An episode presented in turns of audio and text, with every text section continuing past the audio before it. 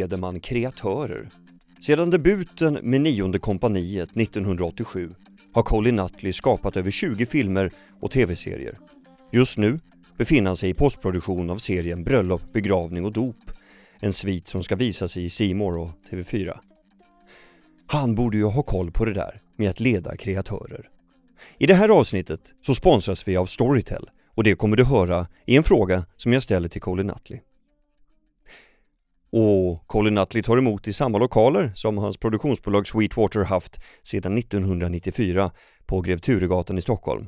Och där drar han igång med att berätta om varför han inte använder manus när han skapar sina filmer. Vi dyker rakt in.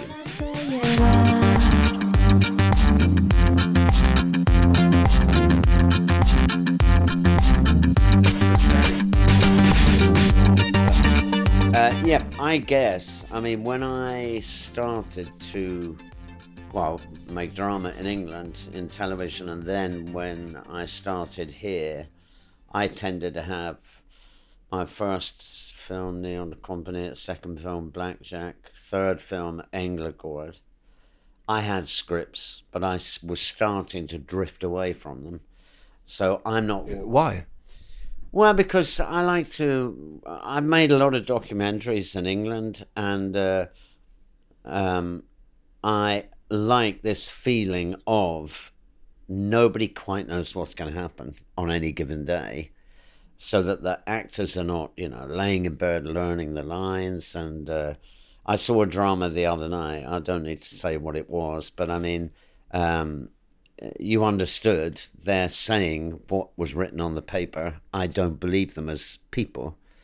Um, but if you and me, which we don't know what your next question is or what my answer is going to be, I mean, we react on one another in a genuine way. So I kind of I like it, and uh, at the end of the day, I mean, if you've got a brilliant scriptwriter, that's one thing. Um, but there aren't so many brilliant scriptwriters. Um, and uh, I like to sort of work with the actors, with the cameraman, that each day is fresh. And then, you know, do the work in the cutting room.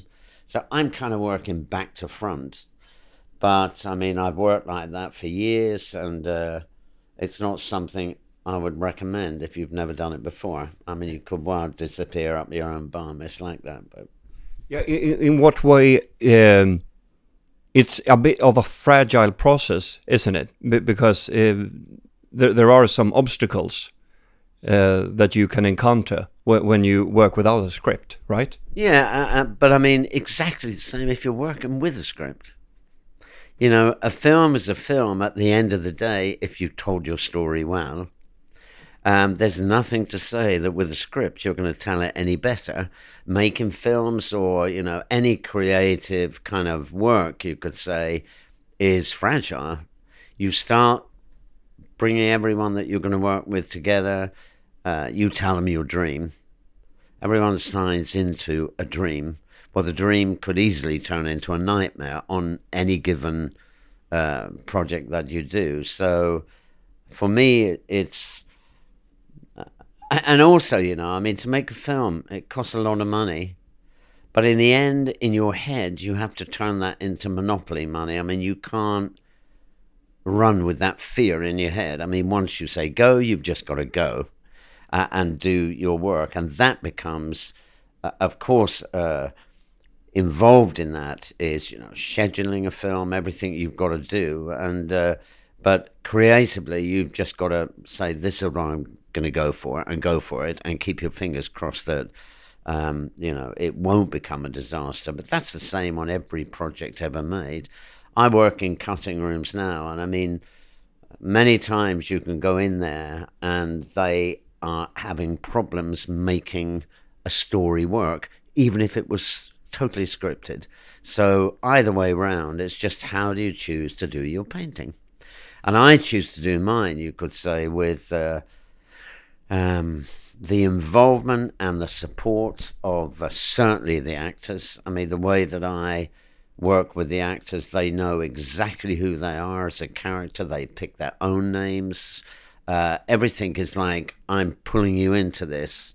I want you to fly, and I will try and stop you, you know, smacking into the ground. So it's a commitment of um, a group of creative people with somebody having to be, you know, the pilot, the leader.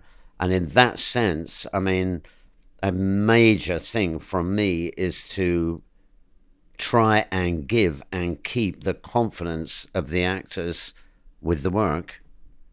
But isn't it hard to uh, renegotiate the terms of play with an actor that's used to follow a script? You know, there's yeah. this old um, tale when uh, Ingmar Bergman were supposed to uh, reenact the uh, sort of um, improvisation that Bo Widerberg has been famous of doing, yeah, yeah. and he he ended up uh, uh, screaming and shouting and leaving the stage on uh, the rehearsals only a few hours uh, later.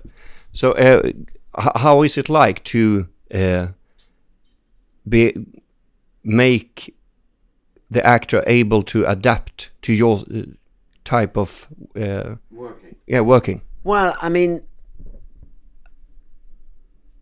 probably for the first day, maybe two days, not with all actors, but with some, they're very nervous. Christ, you know, what am I going to do? What am I going to say?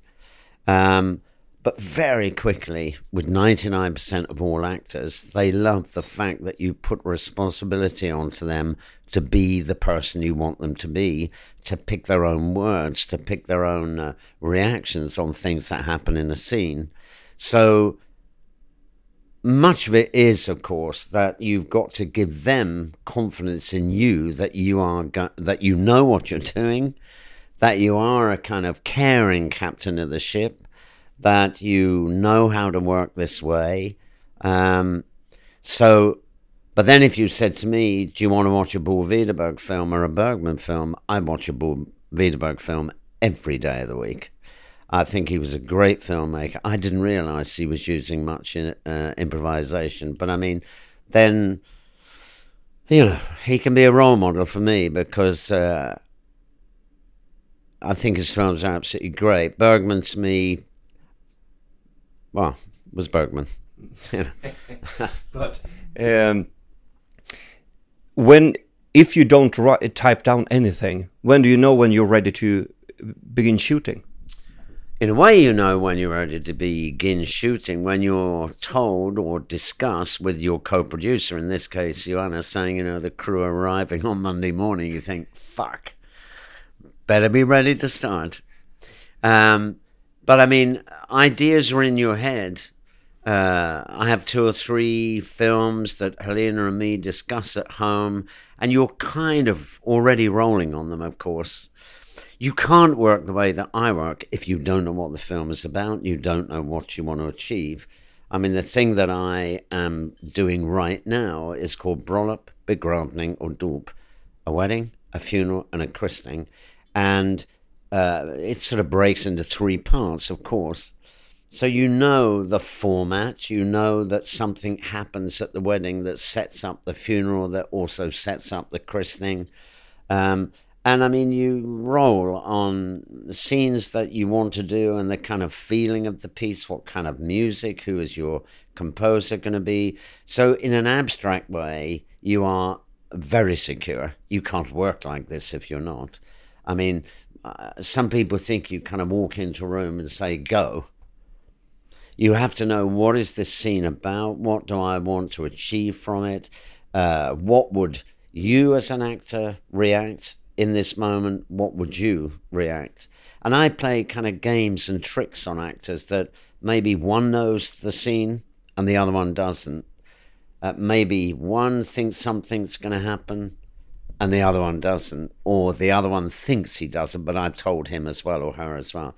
So I mean, it's um, making films, making music, you know, whatever. It's a game where um, privileged to have been sort of, you know, born into, grow up to end up with a work like this. It is dangerous, but so is flying a jumbo jet or taking somebody's brain out.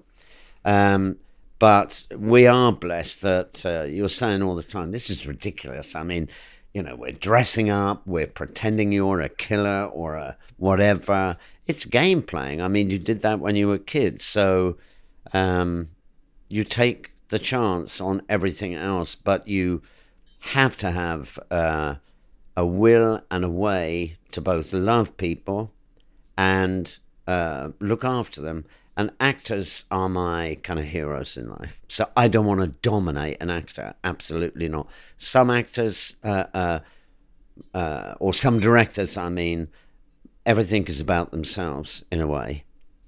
And actors become puppets, whatever.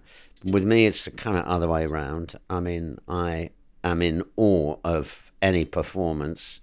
Um, and of course, in my world, that's actors. So you're trying to give them a platform in a way to tell her own story within my story. Right. But uh, we have uh, uh, touched the subject um, uh, several times now, but uh, still, I'm, I'm very curious. When you're working as a director with the DOP, the production designer, these are people with integrity, right? Yeah. Uh, they have their own vision, yeah. and uh, in a way, you have yours, and uh, everything needs to be one movie, yes. not several ones. Yeah. How how does one need to face creative minds in order to uh, make a linear process out of it? Well, I mean, first of all, if you take, let's take the actors. You, I pick actors that, of course, I want to work with. And if you know them or you meet them, you know we can communicate. It's all about communication. They know, therefore, that I am with respect of their talent. They know because I kind of audition myself to them rather than the other way around. This is the way I work. Uh, if you take uh, a DOP, at the moment, I'm working with a guy called Peter Mokrosinski. He is um, kind of making the film with me, you could say. I know how he shoots. I like how he shoots. We have a great relationship one to another. But at the end of the day, it's my film, good or bad. Whenever we start, I always say to everybody, this film belongs to all of us and that means if I'm going down, you're going with me. you know, that you are in it together, you share it. Uh, uh, and uh, if you have talent around, and then you can also say, what is a director? A thief. You're thieving other people's skills, talents, gifts, whatever. You enjoy that or you don't. So I like being captain of the ship. I like working the way that I do. I like uh, sort of, if you can say, looking after people. I like taking that responsibility and building a family. You know, you call the actors and the crew your family, but of course they're not. I mean, they're nomads. I mean, they're moving on to another family and all. But so I like that whole thing of creating an atmosphere on film, getting across to everybody this is the film that I want to make. Having said that, very often, you know, uh, uh, a story can swing to the left when you thought it was going to go to the right because somebody does something. We did a scene here where both Helena, Maria Lundqvist, and me knew what was going to happen in that scene. But Helena, who's been down the road many years with me, took another view. And she swung it you know, so hard to the right when we thought we were going to the oh, left. Without talking with you uh, yes, before. You know, so I mean, uh, I mean, of course, of everyone that I work with, Helena is the one that knows how my head works and that I'm open for anything. I mean, if somebody cocks up a scene, you shoot it again, but maybe they're going to give you gold. And then I feel with my films, you may like my films, you may not like my films, but it's very hard to criticize the actors. The actors are always kind of fresh, they're giving so, so much of themselves in. And we have a rule, you know, the only person that ever switches the camera off is me. So when that camera is on go, you've got to keep going. even if it goes madly up the creek and wrong, because maybe that's followed by something fantastic. So, and it's fun. I mean, it's a game that I think everyone enjoys playing. Um, I've heard a rumor that I can't confirm uh, about Stanley Kubrick. Then, uh, in order for him to to gain respect among the crew, uh, he hired an actor, non-famous actor, playing a B or C photo that he fired the first day just to to get people sharp. Is that right? Um, I've heard exactly the same rumor or truth, um, and uh, well, people do do that. I mean, you know, But, but, but, I, I, would never do that. I mean, I would never. You, do you would that. never do it. Never in a million years. Och nu kommer den sponsrade frågan. I've heard on um, the Storytel app, uh, the Thomas Erikson book, Omgiven av dåliga chefer, um, about bad leadership. Uh, I hope I'm not in that.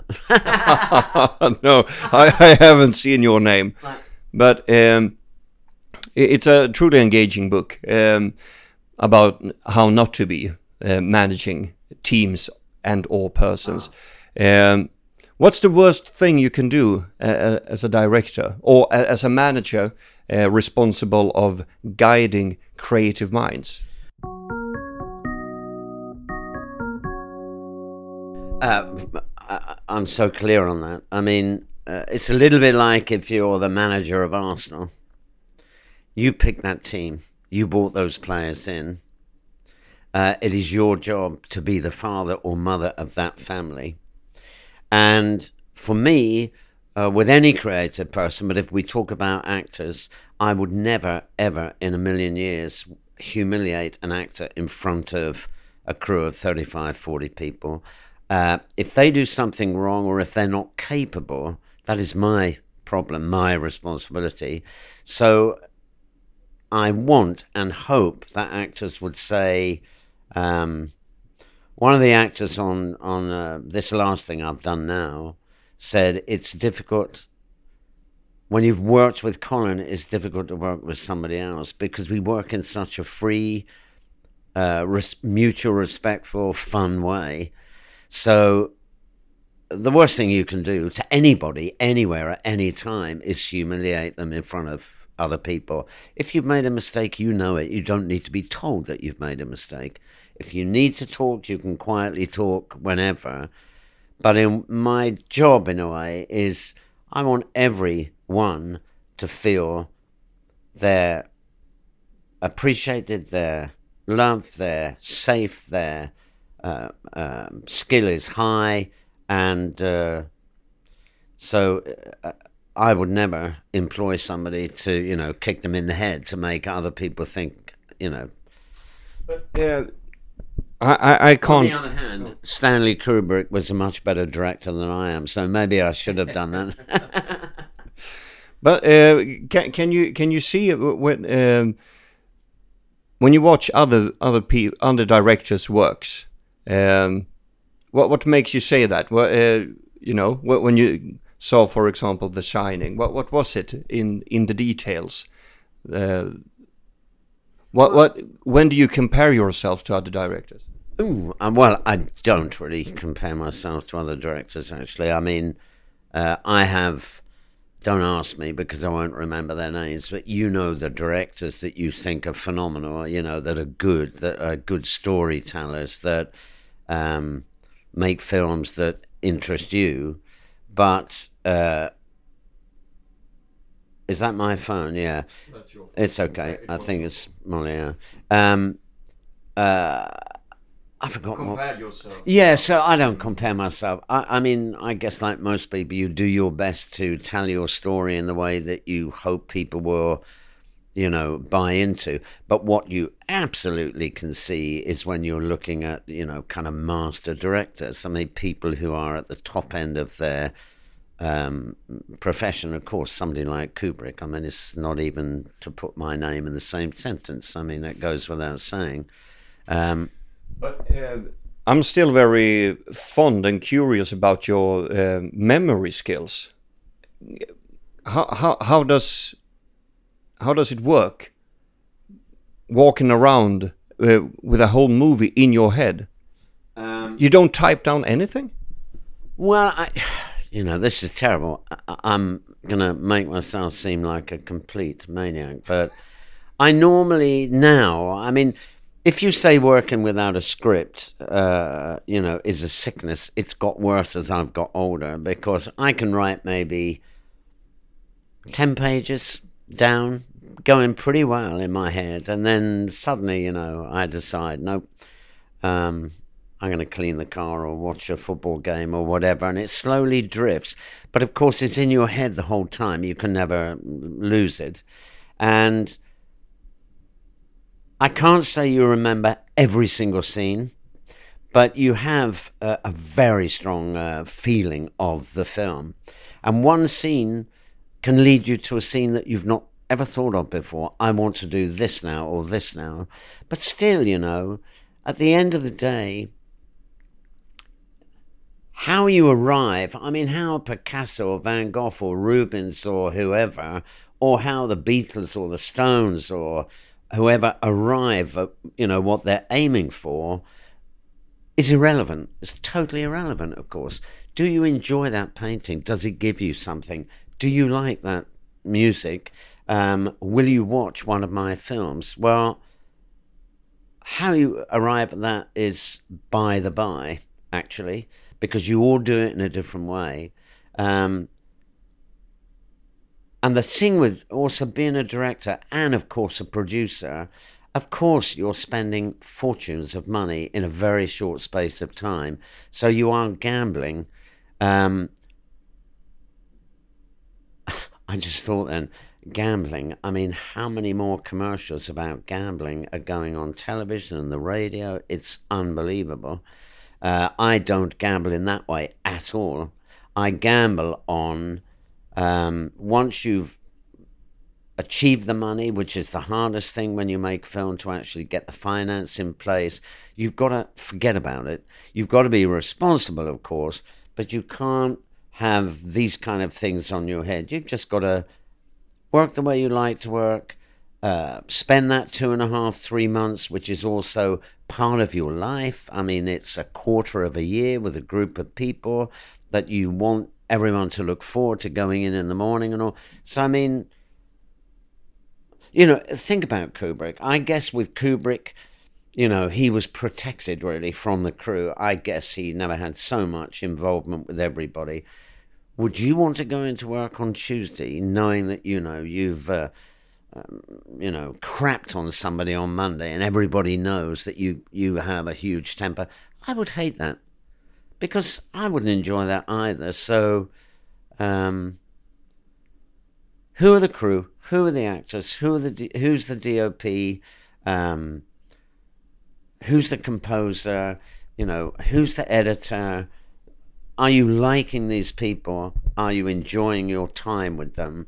Um, it's a way of life, and uh, Um, I'm thinking of uh, Mr. Roy Andersson. yeah, Um, if uh, I, I made a documentary for Sveriges Radio uh, one year ago about him.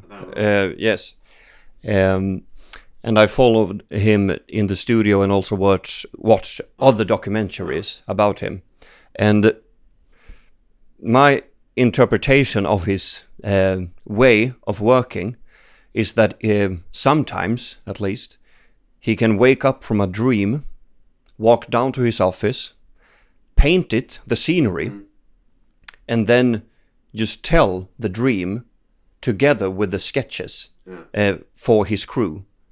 And then they build up the scenery, and then they take roughly a man from the street and then just rehearse. Yeah, take on take on take on take uh, until it, it fits.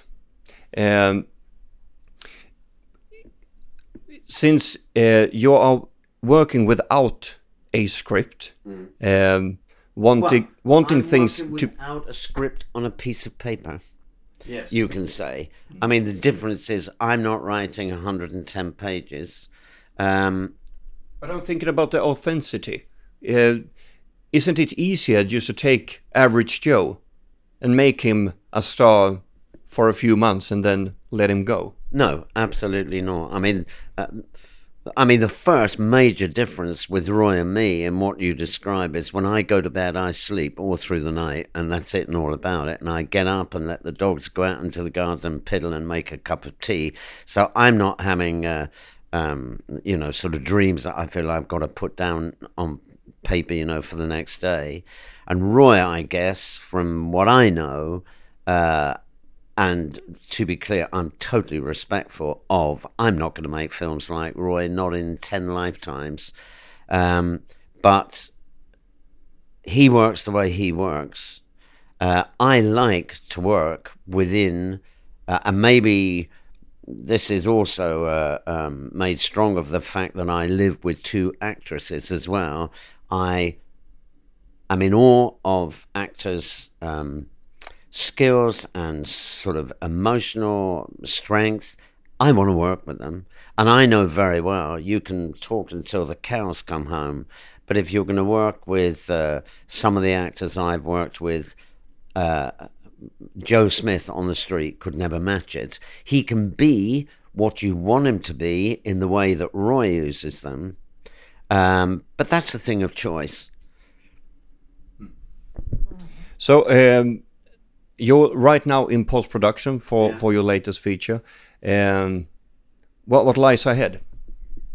Well, hopefully, uh, uh, uh good work. Uh, I mean, we will go on now until December to get this complete, and you hope that you uh, have got the material that your head said you needed. Um, so that will be finished by the end of December, and then uh, I will go into preparing another one. I mean, you just keep on, I think, in a sense. People say, What are you going to do next? You say, Another film. I mean, that's my job. That's what I do.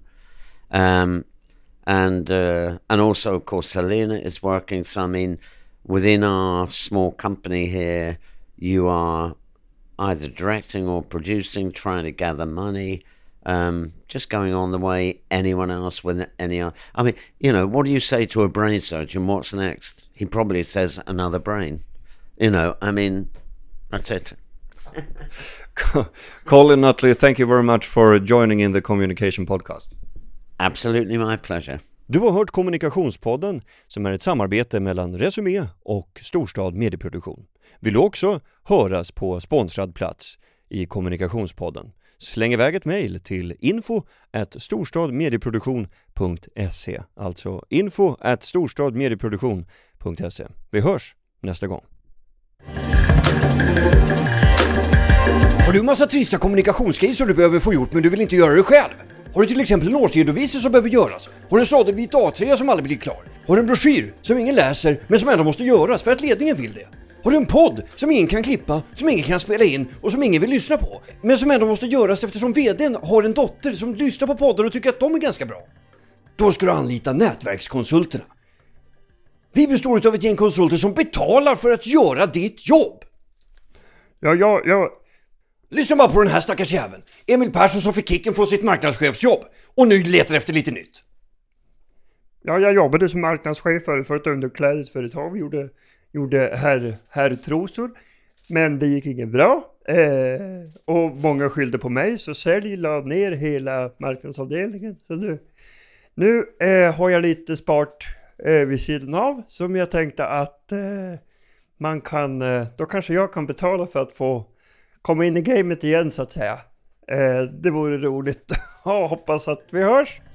Är du också en loser? Precis som Emil, som är beredd att betala för att jobba inhouse någonstans. Då ska du höra av dig till nätverkskonsulterna. Och du, om du är en kund som behöver lite hjälp, tveka inte. Ring mig. Hej på dig!